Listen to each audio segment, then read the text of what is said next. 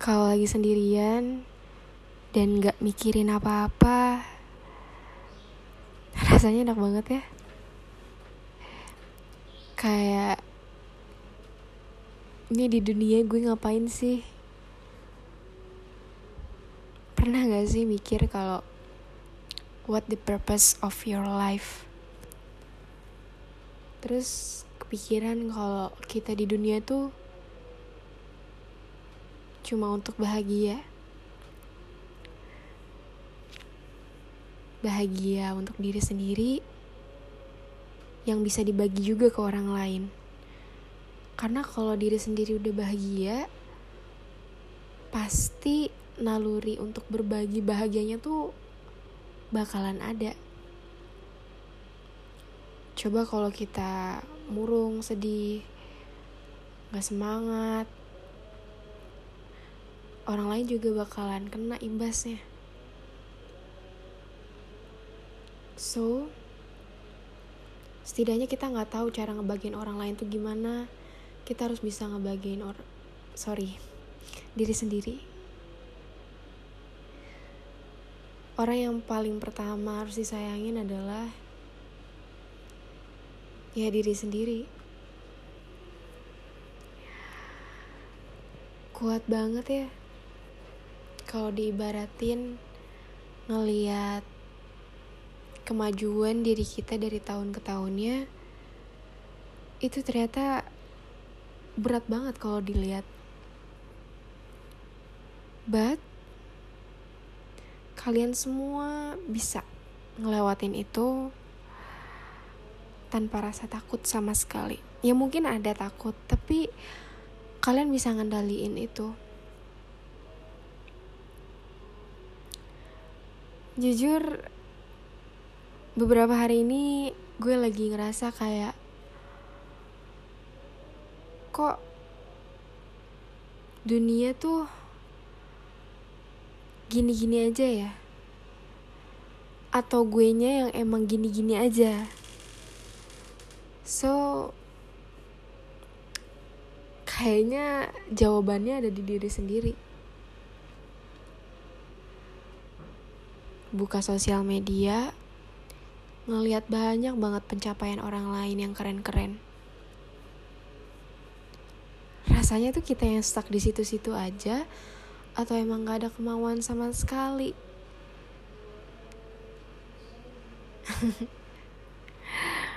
Tapi padahal kita tuh cuman beda porsinya aja sih. Misalnya dia bisa menggapai pencapaiannya di bidang itu. Sedangkan kita juga udah mendapatkan sebuah pencapaian walaupun di bidang lain. Jadi mungkin untuk sama-sama proses untuk menuju mendapatkan pencapaian itu kita sama porsinya cuman beda di bidangnya aja mereka bisa melakukan itu kita juga bisa melakukan ini. Ya yang paling penting sih jangan pernah iri sama kebahagiaan orang lain. Karena kalau udah sampai iri itu kaliannya berarti yang nggak bisa maju nantinya. Makanya ketika kalian ngelihat orang-orang bisa berdiri di atas pencapaiannya itu kalian harusnya senang dan bangga. Karena ya ibaratnya kalian juga udah mencapai pencapaian yang kalian maksud kok cuman mungkin ya itu beda arah aja sedih banget ya kalau udah ngomongin pencapaian. Apalagi di umur-umur sekarang. Era 20 tahunan. Ngejalanin hidup sendiri. Anak pertama apalagi. Ya mungkin supportnya cuma dari orang-orang terdekat kayak keluarga teman ya walaupun kadang kita ngerasa kayak kok gue nggak punya ya support system kayak perempuan-perempuan lainnya? Terus tiap malam bingung harus cerita sama siapa. Ya sebenarnya ada memungkinkan untuk cerita sama teman juga sih. Tapi mereka tuh kita nggak akan pernah tahu kalau mereka juga lagi ngerasain apa lagi ada masalah apa? Lagi ngejar kesibukan apa? Jadi gue nggak bisa kayak hmm, cerita banyak sama mereka karena takut takut nambah beban mereka aja sih. Cuma ya ya emang yang namanya temen harus udah siap kan untuk saling membagi beban